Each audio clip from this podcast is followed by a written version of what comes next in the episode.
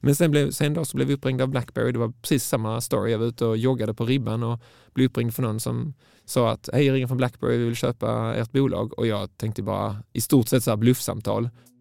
Kan ni komma till Waterloo på måndag? Och jag minns en sekund tänkte jag, Belgien? Eh, och sen tänkte jag, nej men de kan inte mena Belgien. Och sen, jaha, det finns någon annat Waterloo kanske. Och så sa jag, vilken flygplats? Sa de, eh, Toronto flygplats. Tänkte jag, okej, okay, vi får lista ut var där Waterloo ligger sen.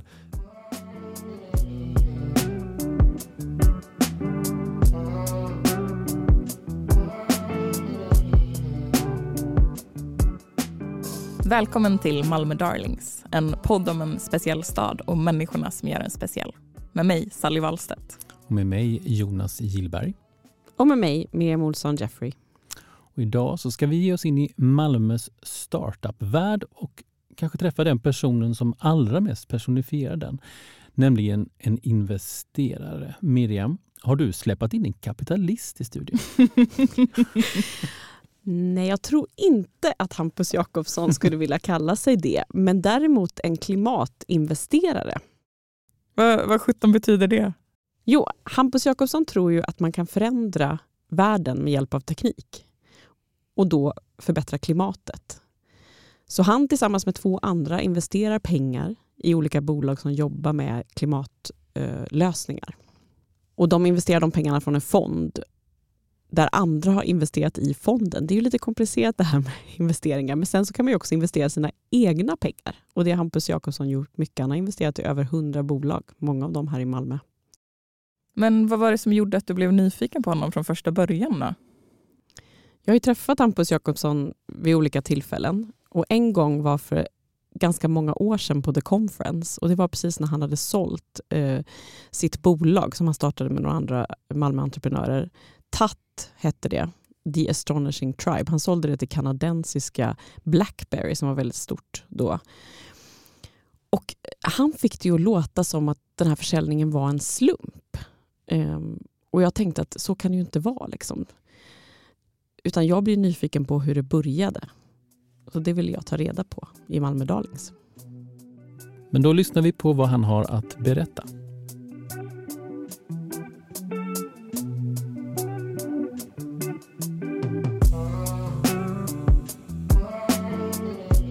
Hampus Jakobsson, hur skulle du beskriva vem du är och hur du funkar?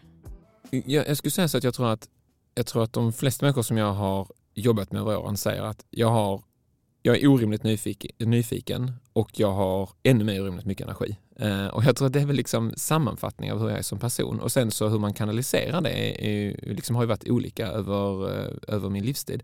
Men så här också, jag tror att jag gillar inte begränsningar och jag tror att det är nog många delar det. Jag är, jag är fjärde barn, mina syskon är rätt mycket äldre än vad jag är. Och när man är så mycket yngre än alla sina, eh, sina familjemedlemmar, det är nästan så jag har fem föräldrar egentligen. Så det är att om jag plötsligt på en lördag känner, oh jag skulle vilja se den här jag vet inte, Indiana Jones-filmen, hittar på någonting här, så inser jag att den får jag inte se. För jag är sju liksom och det borde jag, det kommer jag inte få, jag kommer inte få se den klockan elva ikväll. Men jag gillar inte att tänka ah, men det är omöjligt eller jag får inte. Utan jag tänker, okej, okay, hur ska jag lösa det här nu? Eh, och så har jag alltid varit. Eh, och jag tror när jag var liten så handlade det jättemycket om att sätta sig in i mina fem föräldrars huvuden och tänka, vad ska jag göra eller säga eller vilken station ska det vara för att du ska säga, vill du inte se Indiana Jones med oss? Eller själv eller vad det nu är. Eh, och så funkar jättemycket när jag var liten. Jag var helt besatt i att försöka fundera, hur funkar, vad händer bakom andra människors ögon? Liksom, det tyckte jag var jättespännande. Och ibland var ju lösningen att försöka förstå andra människor och få det att funka för mig. Och ibland var det att komma på en helt annan lösning. Um, och sen startade vi ett företag helt slumpartat när jag gick, i, um, gick på universitetet. Det var verkligen slumpartat att vi startade det företaget. Och, och var pluggade du då någonstans? Jag pluggade i Lund uh, och det var också en ganska konstig grej för att Ehm, jag var väldigt intresserad som sagt om what makes people tick. Um, och då tänkte jag först att kanske läsa psykologi eller så filosofi eller någonting. Så jag läste jättemycket av det i, eh, i högstadiet och gymnasiet och tyckte att det var väldigt trist för det var väldigt dömande. Alla andra grejer jag tittar på handlar om att sätta folk i kategorier genom en bokstavsbeteckning. Jag kände bara, nej men jag vill verkligen bara det känns mer komplext än så, känns det som. Ehm, så då läste jag civilingenjör i data i Lund eh, och ren slump, jag, jag varenda sommar så, plugg, eh, så när jag pluggade då, så jobbade jag utomlands. För jag kände alltid att när man, när man läser som civilingenjör så är man ungefär lika bra på någonting som en miniräknare är ungefär. Första sommaren kan man ju liksom, man kan addera och subtrahera mycket bättre än och som läser en annan utbildning. Men det är ungefär det man kan. Man kan ju inte någonting praktiskt för att det är inte det att man är elektriker eller något utan du kan lösa saker på papper och det är helt abstrakta fejkproblem. Um, men jag kände, jag tänker verkligen inte, jag klarar liksom inte att stå på ICA Tuna i Lund och, och, i kassan. Och det är inte fel med det, men jag bara kände att jag, jag kommer dö, liksom. jag måste lära mig saker hela tiden. Och det gjorde att jag bara sökte jobb som var helt orimliga och fick dem. Um, Vad var det till exempel? Ja, alltså första sommaren så uh, Eh, så sökte jag ett jobb att eh, få implementera en säkerhetsalgoritm på kreditkort i Paris på en av de största kreditkortsbolagen. Ehm, och eh, då frågade den här franska chefen, eh, han frågade mig eh, Do you know A11 assembler and cryptography? och eftersom jag ville ha det här jobbet så sa jag yes. Och sen när vi la på samtalet så eh, började jag lära mig A11-assembler och eh, krypto väldigt mycket från mars till juni. Sen åkte jag ner till Paris och den sommaren så ja, gjorde jag så att eh, kreditkort skulle vara säkra så att ingen skulle kunna hacka dem. Och det krävdes väldigt mycket blod, svett och tårar och många, många, många timmar på deras kontor. Och det var jätteroligt. Och nästa sommar gjorde jag likadant. Jag jobbade på ett konstbolag i London som byggde tekniska konstinstallationer. Och de frågade mig, kan du J2 ME Java? Ja, absolut. och sen så spenderade jag tre månader på att lära mig det eh, jättemycket. Och sen så åkte jag dit och så byggde jag massa grejer för dem. Eh, och sen så mitt i all den här härvan så startade vi ett bolag, jag och några kompisar. Och det var, det var lite olika anledningar. Vi var sex personer. Jag, jag jobbade på det här konstbolaget i London då och eh, det var helt fantastiskt för att det var, det var 2000 och det är väldigt ett konstigt år när folk kastade pengar på konstiga saker. Så att vi fick, göra... fick ni med den andan in i bolaget? Nej, det var det som var skönt att vi inte fick. För att vi hade innan jobbat på lite så mobilbolag och sånt när vi var studenter och liksom fått för mycket av den andan 98-99 och känt den här att när bolag ska öka inom sitt burn rate för att de ska räkna pengar, mer burn pengar. rate förklarar gärna ja, precis. det. Ja. jag satte det inom citat där och då är det liksom att på den tiden, 99, 20, liksom där någonstans, så var det att när folk skulle ta in pengar till sitt företag så sa de att vi behöver ta in 10 miljoner kronor en investering, en investering. som skulle in i bolaget. Ja, ja, precis. Och då kunde investerare fråga vad ska ni ha de 10 miljonerna till? Och så tittar de, men ni gör ju bara av med en miljon kronor om året och behöver 10 miljoner, det är ju helt för mycket pengar till er. Så då plötsligt där 98-99 så börjar bolag göra av med helt obeskrivliga mängder pengar. För att de tänkte, vänta nu, om vi köper nya stolar till alla, spelkonsoler till alla, eh, flyger business class, du gör ju av med 10 miljoner om året. Och då sa de till alla anställda, kan ni bara köpa allting nytt hela tiden nu, massa, massa, massa, massa. Och helt vansinnigt. Och då sa, sa företaget när de tog in pengar för att investera, vi behöver 40 miljoner. Tittar vi av med så mycket pengar. Och då tyckte de, ja, nej, ja det är bra liksom. Och så är det IT, så IT behöver mycket pengar. Och att jobba där när jag var student, jag kände bara det här är det, det knäppaste jag varit med om. Liksom. För att vi behöver ungefär pizza och, och liksom en dator, det är ungefär det vi behöver. Men när jag då gjorde det här eh, sommarjobbet i London så var det ju, då började det ju vara, nu var det 2000 så det började ändå darra lite vad som hände i världen. Men då, det var jättekul och då eh, en av mina kompisar då, vi ville snacka om det här, vad vi gjorde, att vi byggde konstutställningar och fick göra vad vi ville. Och då sa vi, ska vi inte starta ett företag om det här? Det kan vara liksom kul att göra. Och, och sen senare råkar han befinna sig på en Finlandsfärja med en person när han berättade den här storyn och då sa han, ja min morsa bygger en stor utställning i Stockholm, ni borde träffa henne. Så, bara, ah, okay, ja. så åkte vi dit och träffade henne och sen så ville hon att vi skulle göra det och så plötsligt bara, ah, han har vi ett projekt, vi kanske ska starta ett företag. Och, och sen så visade det sig, att, eller inte visa, men visste ju då några andra av våra kompisar skulle göra Lundakarnevalen, specialeffekter till den och någon annan kompis skulle göra eh, mjukvaruprojekt, ett företag som heter Scalado. Så men ska vi kanske starta ett företag tillsammans, lite lättare, man slipper alla pappersgrejer. Och, alltså man ska, det är skönt, vi kan börja tillsammans. Vi, alltså vi ska inte göra det långsiktigt, vi ska ju bara göra projekt och sen ska vi fortsätta plugga. Vi pluggar ju för tusan. Um, så gjorde vi det och sen så när vi började jobba tillsammans den här sommaren så var det jättekul och vi hade jätteroligt och byggde massa saker. Och, ja, aktiemarknaden kraschade och sånt men det brydde sig inte vi oss om. Vi, vi köpte ju liksom köpte ärtsoppa på ICA Tuna och värmde upp i en mikrovågsugn och var jättenöjda och tog ut 8000 kronor i lön i månaden och tyckte att ja, det här är ju mer än studiebidraget, det är helt galet liksom. Eh, och tyckte det var jättebra. Eh, och sen så byggde vi det där bolaget och sen mitt i den här processen, eller början av den processen, så gick Sony och Ericsson ihop och så ville Sony i Japan att, vi skulle, att eh, Ericsson skulle bygga Playstation-telefoner och så tyckte väl Ericsson att ja, det gör vi väl. Så byggde de det här nya bolaget Sony Ericsson och sen mitt i den processen så visade det sig att eh, de hade nog tagit lite vatten över huvudet. Och då var det en kompis till oss som jobbade där och som sa till oss, kan inte ni hjälpa oss? Och vi ville absolut inte jobba med mobiltelefoni igen för att eh, vi hade gjort det som lite som sådana studentprojekten med de här knäppa, eller det var jättetrevliga människor, men det här med att bränna massa pengar och bygga lite mobilspel så vi kände att nej, mobiltelefoner, det kommer inte bli någonting. Det känns jättetråkigt. Liksom. Ska jobba med sådana små mikrovågsugnar och som folk håller mot örat och pratar med varandra. Hur kul är det? Liksom? Ni vill Eh, hellre jobba med utställningar, tekniska roliga. lösningar Vi gjorde musikvideos till Timbuktu och alla möjliga. Det var jättekul. Vi kände att ja, vi, ja, vi, kan- Simon har, ja, vi kan väl göra något sånt för dem. Kanske vi kan göra något litet smågrej kanske. Vi gjorde liksom typ ett litet datorspel på skärmen i stort sett och så, ja, men man kan göra rätt så häftiga grejer men det är inte det vi vill göra. Och sen kom de på, eh, på måndagen och tittade och så sa de det här är helt fantastiskt, kan vi få licensiera det här? Eh, ja, ja, ja, jo kanske det. Liksom. Eller va? va? Eh, och sen så plötsligt så blev, det, blev de en kund till oss och så började vi licensiera till Sony Ericsson och började hjälpa dem. Och då började ju vi växa från sex kompisar som gjorde lite allt möjligt liksom, till att ja, men nu måste vi nog anställa folk och vi måste nog och, och så började företaget växa från oss till att bli 180 personer med kontor i Seoul och Taipei och Tokyo och Chicago och San Francisco och Göteborg och Malmö.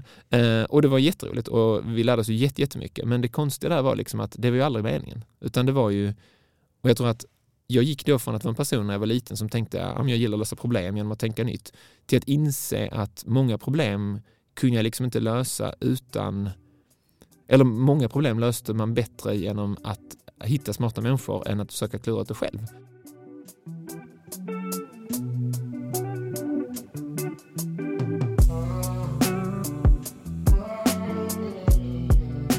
Och det som hände sen var att först Google och sen Blackberry ringde. Hur gick det till? Det var liksom så här jättekonstig kontext när de bara säger hej, vi ringer från här, vi vill detta och som är lite så här är det här en sån här fejksamtal nu liksom? Eh, men det var det ju inte. Det var ju, båda gångerna var det jätteseriöst, men det var alltid lite förvirrande. Och när det var Google-gången så sa jag ju till dem väldigt tydligt, det här gör ju inte vi. Alltså vi, vi gör inte de här sakerna alls, men jag kan rekommendera andra företag till er. Och de ringde oss fyra dagar på raken och fjärde dagen så sa jag till slut att du, jag kan komma till Mountain View och vara hos er två veckor och göra vad jag kan för att styra upp saker. Men sen måste vi, det här är liksom inte det vi gör. Men alltså jag fattar och det låter jättespännande och jag är jättenyfiken. Så jag kan komma och vi fixar grejer och sen så drar vi liksom. Men ni får betala oss löjliga mängder pengar. Och, men jag stannade ju tyvärr mycket längre, eller tyvärr och tyvärr, men jag stannade jättelänge. Men det var, det var jättekul. Vi åkte dit i två veckor och med tre personer. Jag och två kollegor åkte dit och så jag åkte dit och tittade på vad Google skulle göra på mobiltelefonsidan så tittade vi en stund och så insåg jag att de har ingen aning vad de gör alls. Alltså verkligen inte alls. Um, och det var, det var inte det att vi var bra på det, det var bara att de var katastrofalt dåliga Vilket år var det här? det. 2007. Det som ni gjorde där, var, eh, ligger det till grund för någonting som finns Vi, nu? vi designade ju hela Android eh, eh, och det finns ju en Malmökoppling till det så allting är, alltså alla Googles telefoner, det är operativsystemet, det som ritas på skärmen. Vi hittar ju på varenda grej där om hur alla rullgardiner ska funka och alla menyer ska funka och vad händer om man trycker på den här vad händer om man trycker back? Liksom, vi hade ju långa bråk med folk som var, är back gå till förra skärmen är så som det är på en browser eller är back gå upp i menyn så som det är på en dator. Alltså så kunde, det, här liksom kunde vara, det här var två dagar långt bråk i Mountain View med liksom, och 12 personer i mötesrummet. Liksom, och, ja, men nej, men vänta, när man trycker back då... Mountain View är alltså där Googles högkvarter ligger? Ja, precis. Ja. Och vi hade många sådana grejer där vi liksom, och det var inte så att vi visste bäst på något sätt utan det var ju, det var ju nya problem att lösa. Liksom. Men sen, blev, sen då så blev vi uppringda av Blackberry. Det var precis samma story. Jag var ute och joggade på ribban och blev uppringd för någon som sa att hej, jag ringer från Blackberry, vi vill köpa ert bolag. Och jag tänkte bara i stort sett så här bluffsamtal. Men så jag slutade jogga och ja, nej, pratade med en stund och tänkte att det här kommer bli en kund. För det, hade, det var inte första gången som de ringde och sa vi vill köpa er och sen så nio månader senare och sex månader senare så var de en kund för att de insåg att det var ganska mycket smidigare att vara kund. Så jag tog samtalet jätteseriöst och vi pratade en stund och sen så på fredagen satte vi upp en prestation för dem och visade den över så här, Zoom, fast inte på den, den tiden Zoom. Liksom. Eh, och de sa bara, det är helt fantastiskt, kan ni komma till Toronto på, på måndag? De sa faktiskt inte så, de sa, kan ni komma till Waterloo på måndag? Och jag minns en sekund tänkte jag, Belgien? Eh, och sen tänkte jag, nej men de kan inte mena Belgien. Och sen, ja det finns någon annat Waterloo kanske. Och så sa jag, vilken flygplats? Sa de, eh, Toronto flygplats. Tänkte jag, okej, okay, vi får lista ut var där Waterloo ligger sen. Hej, Ulf Kristersson här. På många sätt är det en mörk tid vi lever i. Men nu tar vi ett stort steg för att göra Sverige till en tryggare och säkrare plats. Sverige är nu medlem i Nato. En för alla, alla för en. Har du också valt att bli egen? Då är det viktigt att skaffa en bra företagsförsäkring. Hos oss är alla småföretag stora och inga frågor för små. Swedeas företagsförsäkring är anpassad för mindre företag och täcker även sånt som din hemförsäkring inte täcker. Gå in på swedea.se företag och jämför själv.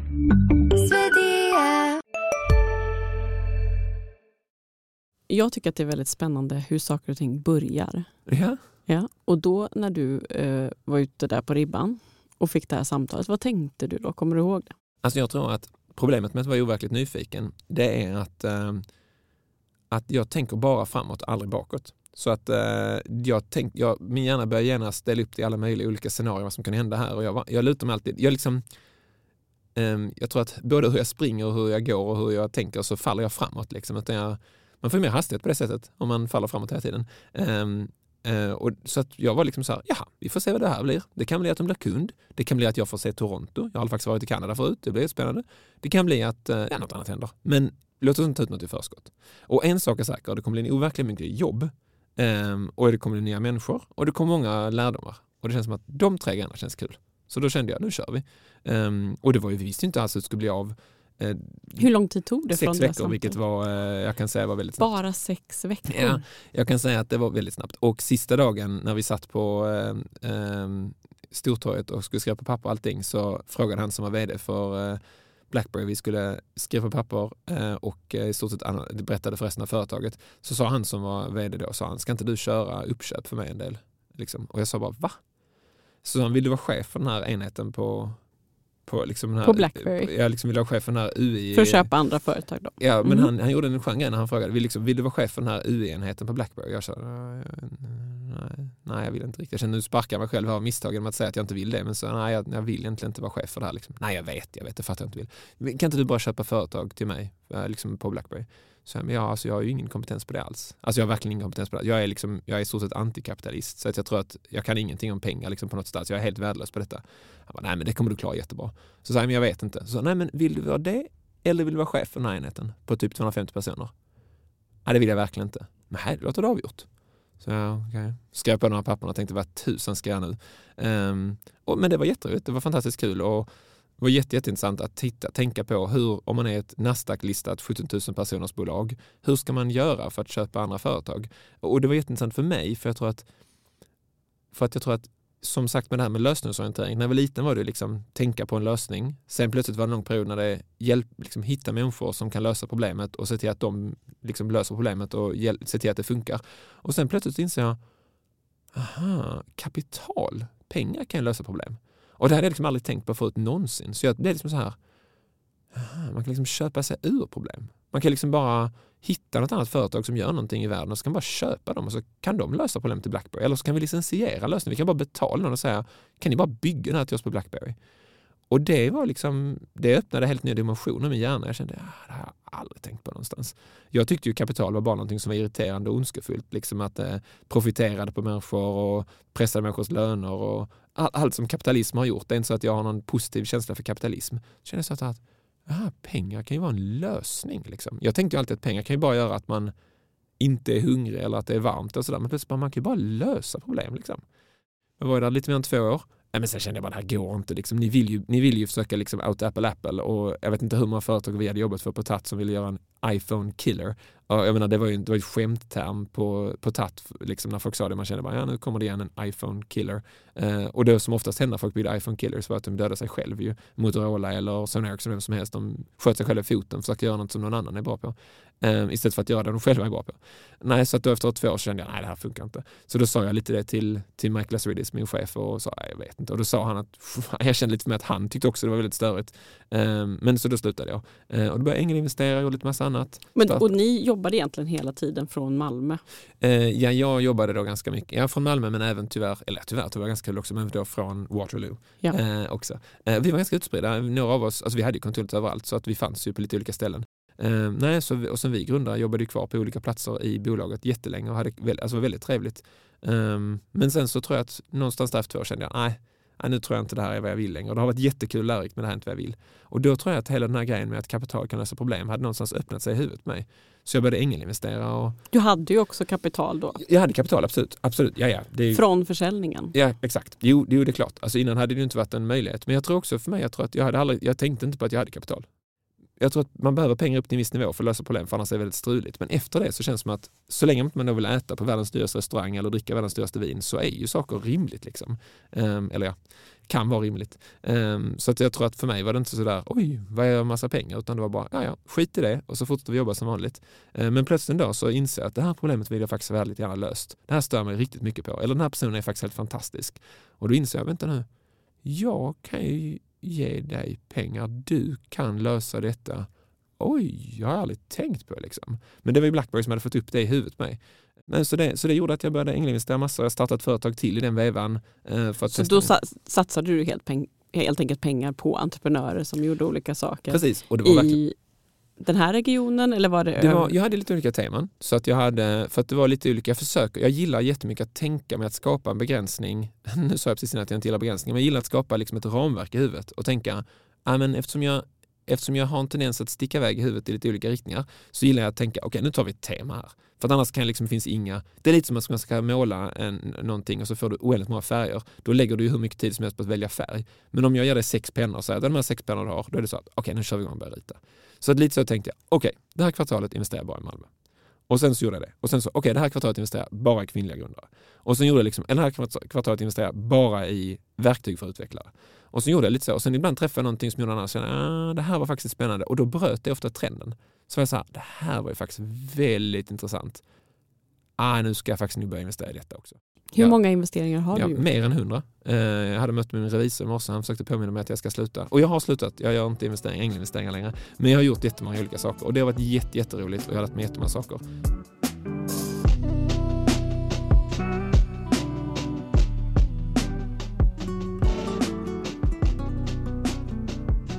Jag fick den här känslan som man får när man får mat någonstans som inte är salt. Man äter det och så är det bara, det är inte så gott, men man kan inte riktigt säga vad det är. Det är lite platt. Och det var den känslan jag plötsligt fick där i början av 2019. Jag träffade något företag som jobbar med någon cancergrej som var jätteintressant. Och jag satt där och kände lite som att det var mat utan salt. Jag kände att allt det du säger är intressant. Men det känns inte som att det tickar i mig när du säger det här. Det är liksom som att det är lite platt. Och det var väldigt trist. Jag kände att jag kan inte riktigt investera i någonting utan att ha passion. Men de här personerna är briljanta och det här är en briljant lösning och det är ett stort problem. Så det här borde vi investera i, men jag bryr mig liksom inte riktigt. Um, och då började jag, och sen plötsligt något bolag jag träffade som gjorde någonting annat så blev jag jättepassionerad. Och sen efter några veckor började jag förstå, aha, vänta nu här. Nu är det nog så att problemet för mig är att om det inte handlar om klimat så bryr jag mig verkligen inte. Du hade ju en del kontakt med Heidi Lindvall och Joel Larsson under den här tiden och då jobbade ju de på Fast Track Malmö som är Minks, alltså Malmö stads inkubators acceleratorprogram för olika uppstartsföretag. Och ni eh, pratade om olika ämnen, idéer, bollade olika saker och det var då ni fick den här idén till Pale Blue Dot. Vad är det ni gör egentligen? Så där i oktober 2019 så började Heidi och jag säga vi kanske ska starta en fond som bara gör detta, som bara investerar i klimatbolag och hjälper dem att skala någonting som faktiskt är svårt att förklara kanske oftast då och gör till, någon, till någonting som helt vanliga venture capital-bolag Creandum eller Atomico eller eh, Sequoia eller whatever, ett helt vanligt, en helt vanlig fond, att de investerar och säger att det här är ett jättebra bolag. Och det gör att vi måste ju sätta oss in i saker som vi kanske inte fattar. Och det är lite, jag brukar ofta säga att vårt jobb är ungefär som att gå in i ett enormt kasino och sätta sig på ett bord när de ska spela Texas Hold'em. Och Texas Hold'em funkar så att du får två kort som du får titta på.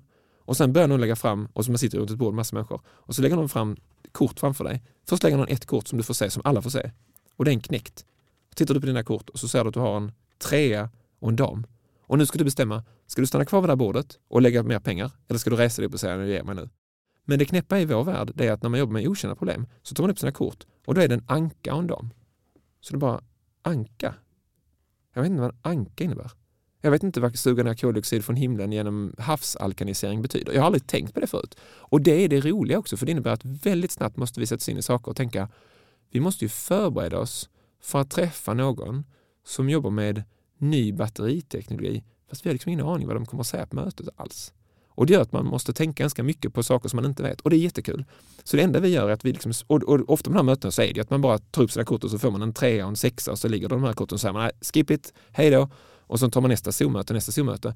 Men en av, av 20 möten som på en vecka så sitter man och säger det är någonting här, det här är faktiskt mer intressant. Och då säger man, det här kan vi ta ett möte till om en vecka. Kan du skicka över det här materialet så ska jag lära mig där om de här ankorna. Uttalas det anka förresten? Och så säger de ja visst och så pratar de en stund till om ankor entusiastiska och säger okej okay, här måste vi lista ut. Och då har du sju dagar på dig att lära dig allting så att nästa möte så kommer du in och så har vi sagt men det är inte problemet att det inte går att köpa tillräckligt mycket fjädrar. Alltså det måste vara det som är problemet. Och så får de förklara igen och så fortsätter man liksom. Eh, och det är jättekul. Så att vi startade den här fonden i juni 2020 och vi investerar i klimatbolag i, i över hela Europa och eh, i USA. Och då lägger ni in pengar i de här bolagen, i de här mm. innovationsbolagen för att de ska kunna utveckla sina lösningar. Och, men och hur, hur mycket är det ni har investerat hittills?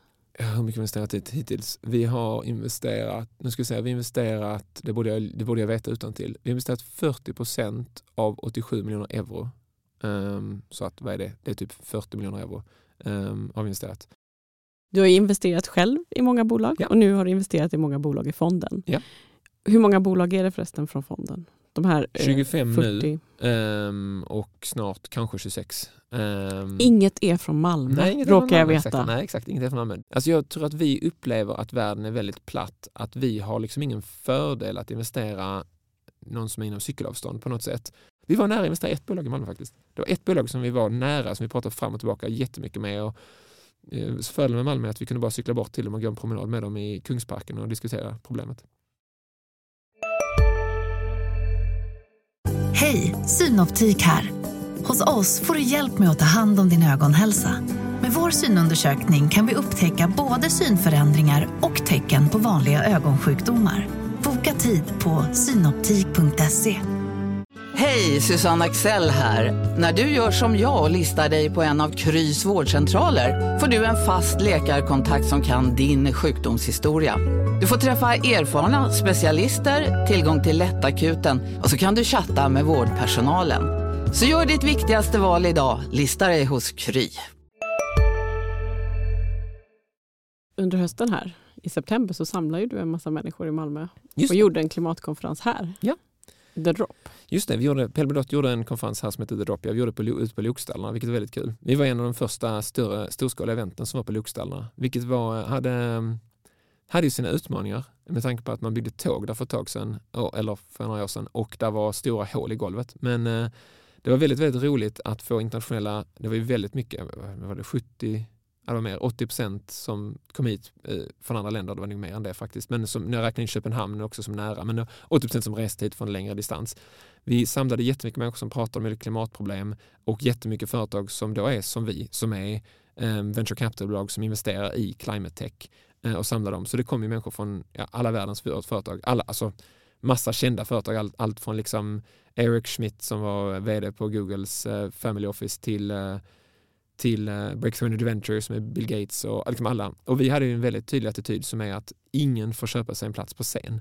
Så det vi gjorde var liksom att vi bestämde helt vem som ska vara på scen. Och det var jättemånga som ville, inom sitta, sponsra oss för att komma på scen. Och vi sa till alla, du får jättegärna sponsra oss, men alltså vi kommer ta dit Solde som gör kaffe så du kan få sponsra kaffet. Du kan få en liten logga om du vill på kaffestället om du vill. Men det är typ det du får. Eh, eller du kan sponsra lunchen och så kan vi säga att det är du som sponsrar lunchen. Men alla kom in med attityden, nej nej, vi vill ha två av våra ledningspersoner ska vara på scen och berätta vad vi gör för något bra. Och vi sa bara, nej, förlåt, det kommer vi inte göra. Alltså, för det här är inte, det är liksom ingen som är intresserad av att lyssna på dem. Tyvärr. Alltså det är tyvärr ingen som är intresserad av att lyssna. Och jag fattar att det är det enda sättet ni vill betala 300 000 kronor, men vi kommer ju sabba upplevelsen för 600 pers för att vi ska få 300 000 kronor och det, det funkar inte så. Liksom. Vi kan inte sabba upplevelsen bara för pengar. Um, så det var, det, var, det var ett spännande projekt att dra ihop. Och vi har nu bestämt datumen för nästa års event och håller på att liksom planera hur vi löser det. Och det är jättekul. Vad betyder Malmö för dig då? Alltså det jag gillar väldigt mycket med Malmö, det är, det är, egentligen, det är egentligen två saker. Det är många saker, men jag tror att en grej jag gillar väldigt mycket med Malmö det är att jag upplevt avstånden, och då menar jag inte de fysiska, eller jag menar de fysiska också, men jag menar att avstånden är väldigt små. Jag upplever alltid att när jag är i många andra städer så upplever jag att det är väldigt tydliga klasskillnader på så många sätt. Om man är i London så är det så extremt uppenbart att antingen är du i Mayfair, där det är, det är väldigt fint här, liksom, man folk har stora kontor, där är vakter framför dörrarna. Eller så är du i Shoreditch där det är lite coolt och hippt. Eller så är du i, oj grattis, utkanten av London där det är liksom hemskt och farligt, bla bla bla. Och det känns som att det är många städer som känns sådär att att liksom det är, jag vet inte om jag, jag menar inte segregerat egentligen, jag menar det att du är inte är välkommen till Mayfair om du inte kommer, alltså om du inte är här. Du ska liksom, det, är, det är någonting med, med klass och flärd och, och liksom hela grejen som, jag, som jag, jag tycker så fruktansvärt illa om den. Och jag menar redan Stockholm har ju den känslan att det är liksom väldigt snabbt så är det liksom, ah okej, okay. nu ska jag nog inte uttala mig för jag är nog i fel del av stan. Eller när folk frågar, ah, var bor du? Så bara, alltså jag, jag bor inte på Lidingö, alltså förlåt, liksom, jag, jag vet att jag är fel här. Liksom. Och jag känner den känslan, men det sköna på, i Malmö när jag, jag har aldrig tillfrågat tillfrågad var jag bor.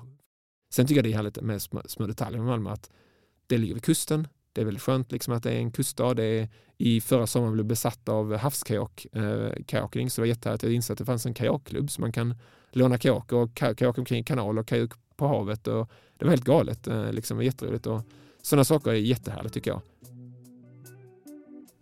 Stort tack för att du var med i Malmö Darlings, Hampus Jakobsson. Tack så jättemycket för att jag fick komma hit.